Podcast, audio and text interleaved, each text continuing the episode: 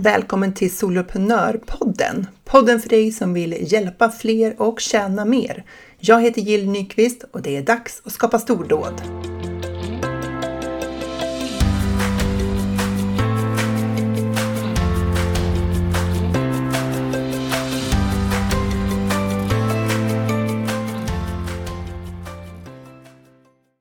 Vad tänker du när jag säger webbinar? Idag ska vi prata webbinar och jag ska ge dig tre sätt som du kan använda webbinar för att utveckla ditt företag. Ett är ganska uppenbart, men någon av de andra två kanske du inte har tänkt på. Så häng med! Först en liten uppdatering kring mitt företagande. Oktober har varit intensiv jag har nog maxat eh, eh, alla varianter av utbildningar, föreläsningar, uppdrag, coachningar, medlemstjänster, all the things, alla grejer. Det har varit intensivt, eh, väldigt roligt och nu ser jag fram emot en lugnare november. Jag har inte lika mycket liksom inbokat i kalendern och det känns väldigt bra för det som ligger där är rätt mycket redan sedan innan. Så jag tror att november kommer bli lite stillsammare, inte eh, samma hysteriska tempo och inte lika långa dagar. Och faktum är att jag började redan nu i helgen. Jag har haft en jättebra helg. Fint väder. Jag har hunnit med liksom, du vet, dotterns innebandymatch. Jag har hunnit på, eh, jobba med mitt kreativa sidoprojekt som är boken jag håller på att skriva. Jag har hunnit gått eh, milpromis med en kompis och jag har hunnit joggat med hundarna och ja, men kattat löv. Vi har en jättestor lönn bak på vår eh, baksida här på tomten och den har i princip tappat alla sina löv nu. Det är galet mycket. Och jag har liksom hunnit med de där sakerna i helgen och det har känts så bra, väldigt uppfriskande och kollat på favoritserierna på Netflix. Du vet, ja, det var en bra helg. Eh, så där, där är jag just nu. Eh, jag är jätteglad att du är här med mig just nu när vi ska prata om webbinar och vad webbinar kan göra för ditt företagande. Och frågan är väl kanske först då, så här, vad, vad är ett webbinar? Jag vet inte vad du tänker på, men det är ju någon form av presentation eh, där man har något, eh, någon moment av att utbilda och ofta något moment av att sälja. Så det är någon form av kanske miniutbildning som sker. Det kan vara live, det kan vara förinspelat. Kanske är det vanligast, i, åtminstone här i Sverige, att vi kör live. Ehm, och vi har människor med oss eh, då som kan ställa frågor och interagera med oss under vår presentation. Eh, det är någonting man måste anmäla sig till eh, och som sker då vid ett särskilt datum, särskild tidpunkt. Så. Och eh, det finns många, det, eller så här, många känner motstånd inför att köra webbinar, särskilt om man inte har kört så många eller om man inte kört några alls. Eller kanske om det webbinariet man höll var tillsammans med någon annan, så man kände att man var där och man gjorde ett bra jobb, men man höll inte i helheten själv då kan webbinar kännas väldigt, som en väldigt stor grej att göra. Så därför tänkte jag att vi ska prata om det idag. Och jag ser ju tre områden som man kan använda webbinar till när man ska bygga sitt företag online. Den första är ju det uppenbara, att sälja. Du kan använda ditt webbinar för att sälja i princip vad du vill inom ditt företag. Det kan ju vara en och en coachning, det kan vara en kurs, det kan vara en medlemstjänst, det kan vara ett program som du satt ihop eller någonting annat som du har som erbjudanden och du bjuder in till det här webbinariet där du då har en rubrik som lockar människor för att de löser, det löser liksom en del av deras problem. Och i slutet då så berättar du hur, du hur de kan jobba vidare med dig, hur du kan hjälpa till framåt om de vill ha fortsatt stöd av dig. Och det är det, det, är det som är ditt erbjudande jag hjälper dig eh, på det här sättet, det kostar så här mycket, du kommer få den här transformationen. Så, så att, att sälja, att använda webbinariet som en säljmekanism eh, är ju kanske det vanligaste. Och då gör vi det i kanske en kampanj eller en lansering Ehm, som också innehåller andra delar eller i en utmaning eller ja, vad det nu kan vara för någonting. att sälja. Men så tänker jag att vi skulle också kunna använda webbinar för ett par andra anledningar. Och den ena är att bygga e-postlistan. För att vi behöver ju inte hålla webbinar bara för att sälja någonting, utan vi kan ju hålla webbinar egentligen enbart i syfte att nå ut till de som har den utmaningen som vi hjälper till med. Som en freebie alltså. Webbinar live-levererat som en freebie eller webbinar inspelat och använda det som en freebie. Och eh, då kan man ju verkligen eh, få in nya personer på listan som matchar ditt erbjudande för att du bygger ditt webbinar utifrån ditt erbjudande även om du, inte, att du väljer att inte sälja någonting i slutet. Det kommer ingen pitch, kommer ingen försäljning. Utan det är ren eh, att bjuda på din kunskap, precis som du bjuder på din kunskap i många andra sammanhang. I inlägg, i nyhetsbrev, i podcast, i blogg eller vad det kan vara. Så bjuder du på din kunskap och skapar värde i förväg för dina följare. Alltså att de får ett värde, kanske också en del av sitt problem löst redan innan de har börjat jobba med dig i form av att de har betalat för din tid eller betalat för en tjänst hos dig. Och eh, en fördel när du gör webbinar för att bygga lista är ju att du, skulle, du, du kan tänkas få in personer som inte skulle ha laddat ner den freebin in på din lista. Samtidigt som de ju faktiskt har de problem som du eh, vill hjälpa till med. Eftersom de går igång på den rubriken du har satt. Så att, att ha webbinar för att bygga din lista tycker jag är ett väldigt smart sätt att boosta din lista snabbt. Även om det är klart, det kräver lite energi och engagemang och tycker man att webbinar är väldigt skrämmande, då tycker man nog att den här idén är den sämsta ever. Men då kan vi också se det som så här att många som, som drar sig för att göra webbinar, vi ska prata lite grann om vilka utmaningar de är, men en utmaning kan ju vara just den där försäljningsdelen. Man tycker det är oerhört obehagligt när man kommer fram till sin pitch och gör man så här, att använda webbinar för att bygga lista, då, då behöver du inte känna den här oron för att snart måste jag komma till säljet, snart måste jag säga vad det här kostar och sådär, om det har varit en stor sak för dig. Utan du kan bara prata om det som du tycker är allra roligast att prata om, det vill säga den passionen och det ämnet som du har. Det, det är fokuset på det här. Så att på det sättet blir det ett väldigt kravlöst sätt där du bara får möjlighet att hjälpa människor. Och eh, jag tror, om du lyssnar på den här podden, att det är en grundläggande drivkraft för dig i ditt företag, att du liksom vill hjälpa till med den kunskapen du har, med de erfarenheter du har. Och då skulle det här verkligen kunna vara ett sätt att hjälpa till på, samtidigt som du bygger den här eh, strategiskt viktiga resursen som e-postlistan faktiskt är. Så det var två då, sälja och bygga lista. Vad är den tredje? Jo, den här gjorde jag faktiskt när jag startade Soloprenör. Jag använde webbinar för att testa min idé.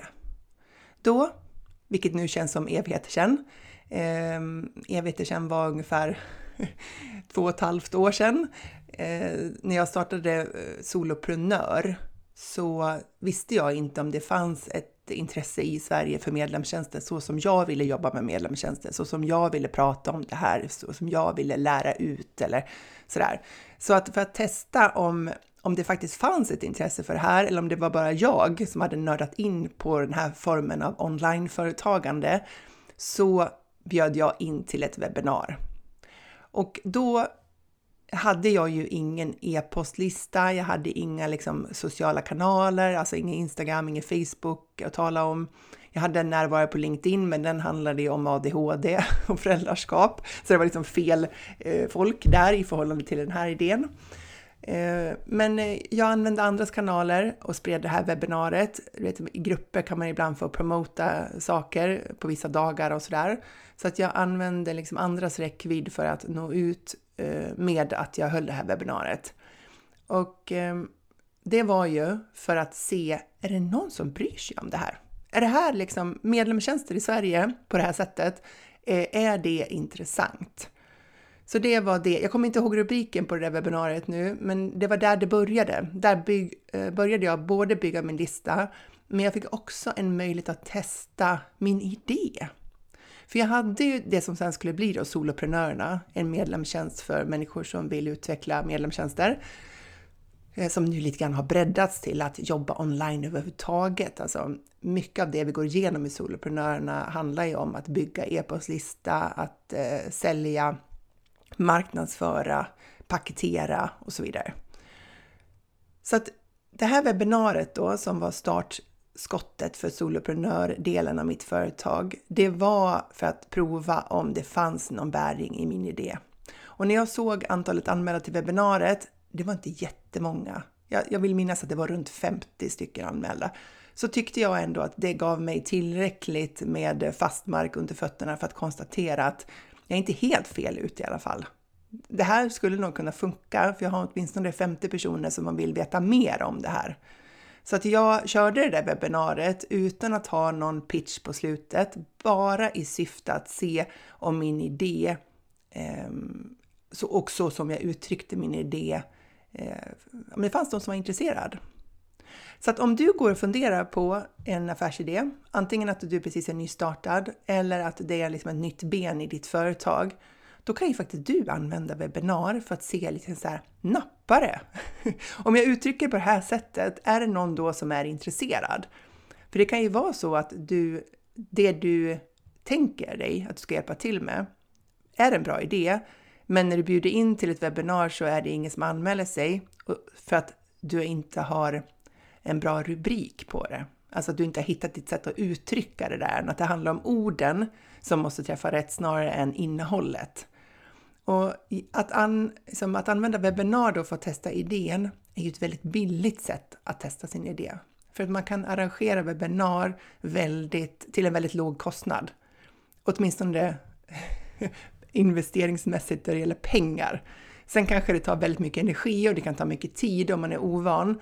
Men just det där, så man kan ju vara känslig för att man inte vill satsa pengar om man inte vet om det är rätt spår. Så då är definitivt ett webbinar ett sätt att, att testa lite grann kring det. Så webbinar, eh, tre saker då. Sälja, bygga din lista, testa din idé. Oavsett om den är nystartad eller om du har en ny gren eller nytt ben i ditt företag som du vill utforska. Så varför är så många rädda då för att köra ett webbinar? Ja, jag vet inte, men det jag har hört när jag har träffat många företagare när vi sitter så här en och en coachning, det är till exempel tekniken. Eh, att det tar emot det här med att fixa alla delar. Det känns som en så här eh, jobbig process att hålla ordning på allting och få ihop det. Och den här tanken om att tänk om det inte funkar. Tänk om det blir något fel rent tekniskt. Eh, det kan vara en stor sak som håller många tillbaka från att köra webbinar. Och jag fattar den. Och jag har gjort jag har hållit många webbinar och jag har gjort massor av misstag eh, när jag har kört mitt webbinar. Ehm, och tekniken har definitivt strulat när jag har kört webbinar. Eh, det har varit så att folk inte har kommit in, alltså webbinariet har inte startat alls. Eh, vid något tillfälle, och det här är ju liksom så himla pinsamt, så hade jag glömt bort att, att Zoom, som jag då använde som teknisk lösning för att leverera mitt webbinar, hade en begränsning på min licens på 100 deltagare och jag hade över 800 anmälda. Förstår du hur många som inte kom in? Det var ju en gräns på 100. I systemet släppte inte in fler. Fruktansvärt pinsamt! Så att visst, och jag vet, det var inte teknikens fel, det var ju mitt fel. Jag hade liksom tappat jag hade glömt bort det, den här begränsningen. Så att, eh, men när man väl sitter där så blir det ju så att tekniken inte funkar eftersom licensen inte räckte mer än så. Så att det är klart att det händer många saker när man kör webbinar. Den uppsidan av det, det är väl att vi överlever det där. Alltså det, jag tyckte det var jätte, jättejobbigt då när jag hade gjort det där misstaget. Verkligen. Men eh, det gick ju också över liksom. Eh, det var väldigt eh, trist att hantera och jag förstår ju att folk blev upprörda. Alltså ta hela det. Eh, men det är ju en del av företagande. Man gör misstag och man får lära sig. Och just det där misstaget har jag inte gjort om igen då. Sen kan man ju få problem med, med både ljud och alltså från mitt håll som håller webbinariet, men deltagare kan ju också säga jag hör ingenting och så är det någonting hos dem och sådär. Så jag förstår att teknik kan kännas som en stor grej om man inte har kört eh, webbinarier innan. Sen har vi det här med inbjudan då. Om, tänk om jag arrangerar ett webbinar och ingen kommer, eller om typ så här tre anmälda. Och då känns det som en jättestor grej. Så bara tanken på att man kanske skulle kunna eh, bjuda in till ett webbinar och så får du jätte, liksom, få anmälda och så känns det som ett misslyckande. Bara tanken på det gör att man inte vill hålla webbinar för att man tycker att bara om det skulle hända så skulle det vara så otroligt pinsamt och jobbigt och eh, jag skulle känna mig så misslyckad och så får, det har inte ens hänt det där, men det får oss att säga webbinar, nej tack. Sen är det ju det här, liksom, förutom tekniken, och när det är live, så tekniken kan ju funka hur bra som helst, men tänk om jag inte funkar? Tänk om jag tappar tråden? Tänk om jag inte vet vad jag ska säga? Tänk om jag stakar mig?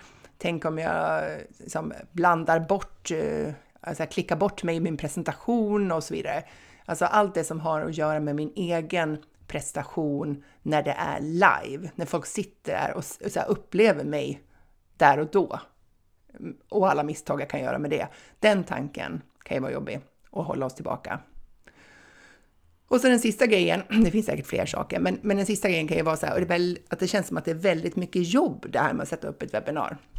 Och tänk om det då inte ger någonting? Tänk om jag liksom har gjort det här, allt det här jobbet och så får jag ändå inget resultat eller jag, så här, det hände ingenting. Allt jobb eh, förgäves då. Så det är klart, det finns många aspekter av det här med att köra ett webbinar eh, som kan kännas som eh, stora, stora hinder. Några, några eh, tankar om vad som liksom man ska tänka på, eh, vad som kan vara lite så framgångsfaktorer när man ska arrangera ett webbinar. Och den första jag tänker på, det är ju att verkligen sätta en inbjudande och tydlig rubrik. För vi behöver sälja in ett webbinar som om det kostar någonting, för människor betalar med sin, med sin tid och med sin uppmärksamhet. Och det är nästan liksom, mer hårdvaluta det än pengarna. Så att du behöver verkligen vara tydlig med varför någon skulle liksom vilja komma på ditt webbinar genom att ge ditt webbinar en rubrik som visar att du löser någon form av problem eller behov som din målgrupp har. Så lägg omsorg vid att formulera den här rubriken så att den verkligen lockar till att anmäla sig. Ett webbinar kan ju vara mellan 30 till 60 minuter långt. Det finns också de som håller mycket, mycket längre webbinar, men jag tror att de, de flesta brukar ligga runt 45 minuter, en timme någonstans där. Och eh, eh en, en, ett råd i den här arbetsprocessen, det är att du börjar med att skapa din inbjudan. Alltså att du sätter upp det här, så här, vad är rubriken? Vad är det jag ska tillföra för värde i det här? Oavsett vad, varför du ska göra, om du ska använda webbinariet för att sälja, bygga lista eller testa en idé, så är rubriken väldigt viktig. Och när du har satt det så börjar du marknadsföra ditt webbinar och eh, promota det så att du får in anmälningar till det. Och sen skapar du presentationen.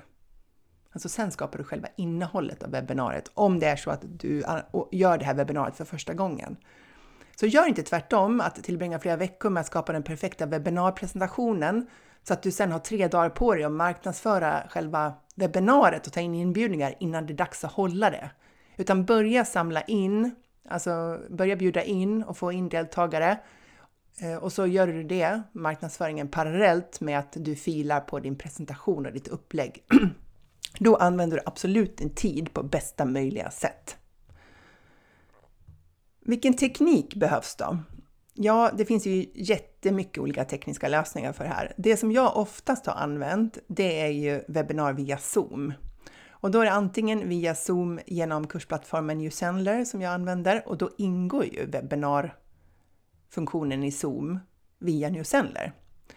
Kör du webbinar direkt genom Zoom, vilket jag också har gjort många gånger, så har du ju en betallicens för själva webbinarfunktionen. Och det som betraktas som webbinarfunktion då, det är ju att eh, deltagarna bara kan interagera med dig i chatten. Alltså att de dyker inte upp med sin video, med ljudet på eh, och sådär. Och det kan ju underlätta om du vill ha lite ordnade omständigheter kring ditt webbinar. Och har du då webbinar direkt från Zoom så då behöver du betala extra för att få just den där webbinarfunktionaliteten. Annars kan du ju köra webbinar via Zoom på den lägsta betallicensen då, upp till 100 deltagare.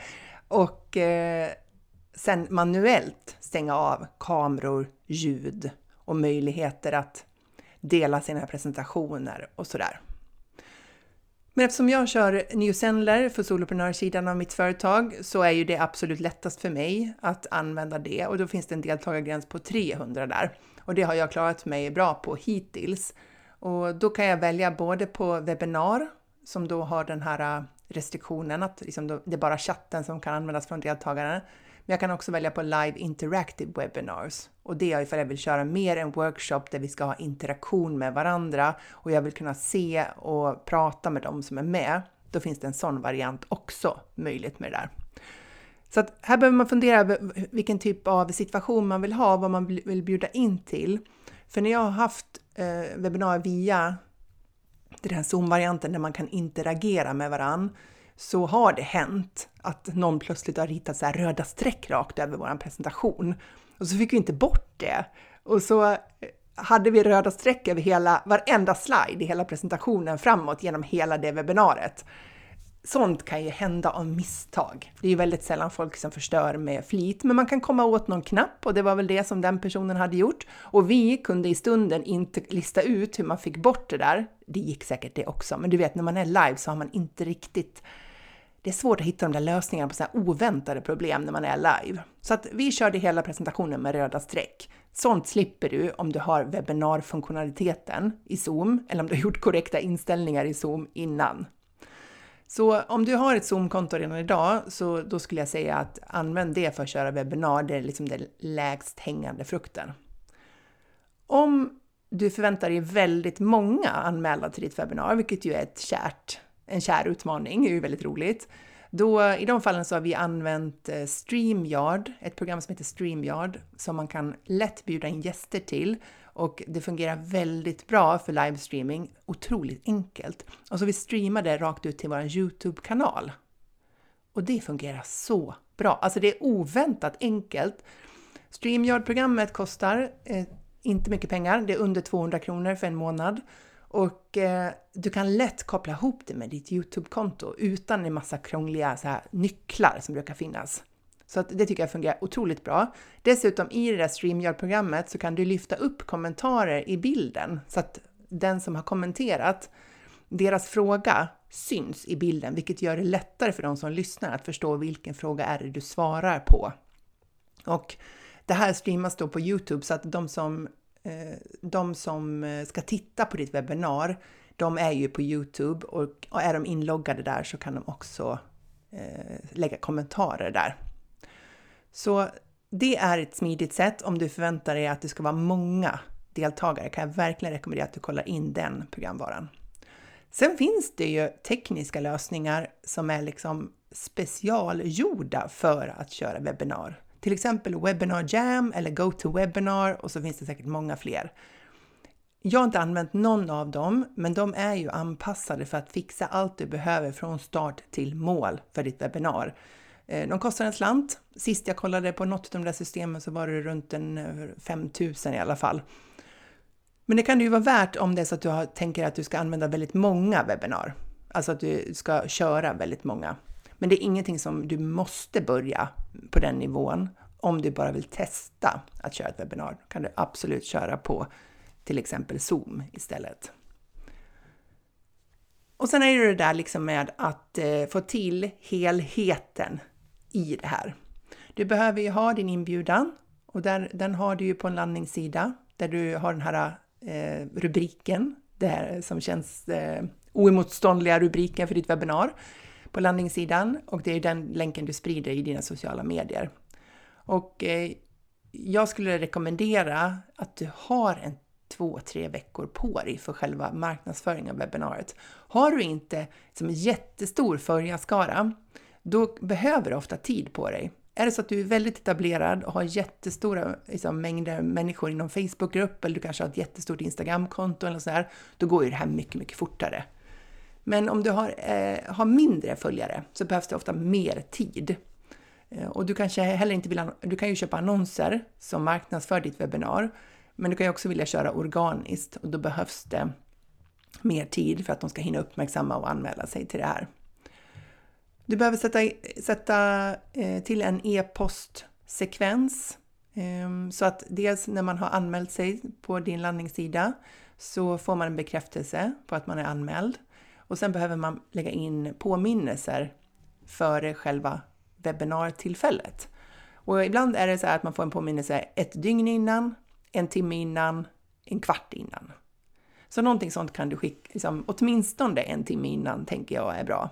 Så ett dygn innan och en timme innan, det brukar jag ha som minst, som en vänlig påminnelse, för jag vet att människor har väldigt mycket i sina liv och det är lätt att missa. Och de kanske som vill vara med live, för det är liksom det lättaste sättet att verkligen få det gjort, att man är där när det händer. Och sen behöver du kanske ha någon form av uppföljningssekvens. Och som minst så blir ju det att du skickar ut replayen om du har sagt att det ska finnas en replay, alltså en inspelning av ditt webbinar. För trycker du på inspelningsknappen, då kan du sedan ladda upp det på din eh, replay-sida, alltså den sidan där de kan komma åt att titta på ditt webbinar i efterhand. Eller om det är länken till Youtube, beroende på vad, vad du har för teknisk lösning för det här, så ska du skicka ut den då eh, efteråt. Och jag brukar försöka sikta på att skicka ut den i direkt anslutning till webbinariet. Alltså att det inte får gå en dag till innan den kommer ut, utan jag vill helst skicka ut den Eh, bara timmarna efter. Så fort jag har hunnit ladda ner den, fixa till den och laddat upp den så gör jag det. Eh, för att jag tycker det eh, ger människor en ehm, bättre möjlighet då att hinna titta på det här, särskilt om man är i en lansering där det finns en deadline så småningom. Så, så att förbered dig för påminnelser före och uppföljningen efter och så minst då att du skickar ut inspelningen om du har lovat en sån. Och är det så att du väljer att skicka ut en inspelning så kan det också vara bra att tänka på om du vill använda den som en listbyggare efteråt. För är det så att du har haft den inställningen på webbinariet att man inte syns i bild utan det är en ren inspelad presentation av din del av, av det här äh, utbildande som du har gjort under webbinariet, så kan ju det vara en listbyggare i sig. Jag har gjort det många gånger, att ett inspelat webbinar utan personer med, alltså deltagarna syns inte i webbinariet, men själva inspelningen och presentationen använder jag som en evergreen listbyggare sen. Och det har fungerat väldigt bra. Ehm, men som sagt, och, och har, har liksom tänkt att använda den som så, då kan det vara bra att tänka till på inställningarna innan du kör webbinariet. Så att du inte får med människor i bild som inte ska vara där. Eh, utan att det blir en ren film och utbildningssekvens med dig. Om det är så att eh, du kör ett webbinar för sälj så kan det vara bra att fundera på om det finns någonting som du kan säga i början som gör det värt för dem att stanna till slutet. Har du varit med på eh, åtminstone amerikanska webbinar så är det ju många som säger att man får ett speciellt erbjudande om man stannar till slutet och det gäller bara de som var med på själva webbinariet. Och du kanske har någonting du kan erbjuda i samband med det eller så har du någonting annat som gör att det blir värt att stanna till slutet så är det en bra idé att säga det i början av eh, din, ditt webbinar. Så jag tycker, om du tycker att det känns jobbigt med webbinar så tycker jag att, ehm, eh, så förstår jag det. Alltså det, det, är många rörliga delar i det här. Men jag tycker också att det är värt att prova. Och som sagt, jag har gjort många misstag eh, i det här och det är inte roligt att göra misstag, men man, vi överlever dem. Så här, det, det är inget som kommer förstöra ditt företag för all framtid, även om det är väldigt obekvämt i stunden när man har gjort de där misstagen, så är det värt Eh, här, den här obekväma känslan som blir när man ska göra någonting för första gången och det är live och det är andra människor och man vill att det ska bli bra och allt det där. Att ta sig igenom det. För ju fler gånger du kör webbinar, desto lättare blir det, precis som med allting annat. Och plötsligt så kommer du att känna att det här med att arrangera webbinarier är ju ingenting. Och du kommer att glömma bort hur jobbigt det kändes i början, de allra första webbinaren som du höll. För att du nu har blivit så pass bekväm med det här och du har liksom satt upp tekniken så många gånger, du har gjort de här presentationerna så många gånger, du kanske har förfinat din presentation, du har hållit samma webbinar flera gånger så att du är väldigt trygg med själva upplägget och innehållet på det där. Och allt det där sammantaget gör att webbinarier kommer väldigt lätt för dig. Men du kommer inte att komma dit förrän du har liksom tagit de där första stegen och kört igenom de där första varianterna av webbinar och insett att även om när du gör misstag, för det kommer att hända, så även när du gör misstag så kommer du att överleva det. Det kommer att fungera bra ändå. Eh, ingenting eh, riktigt allvarligt kommer att hända, även om det kan kännas väldigt jobbigt i stunden. Så fundera över om något av de här tre sätten kan eh, passa dig för att du ska utveckla ditt företag. Om det kan handla om att sälja, om det kan handla om att bygga din e-postlista eller testa en ny idé. Så att du kanske kan använda webbinar för att fortsätta skapa dina stordåd.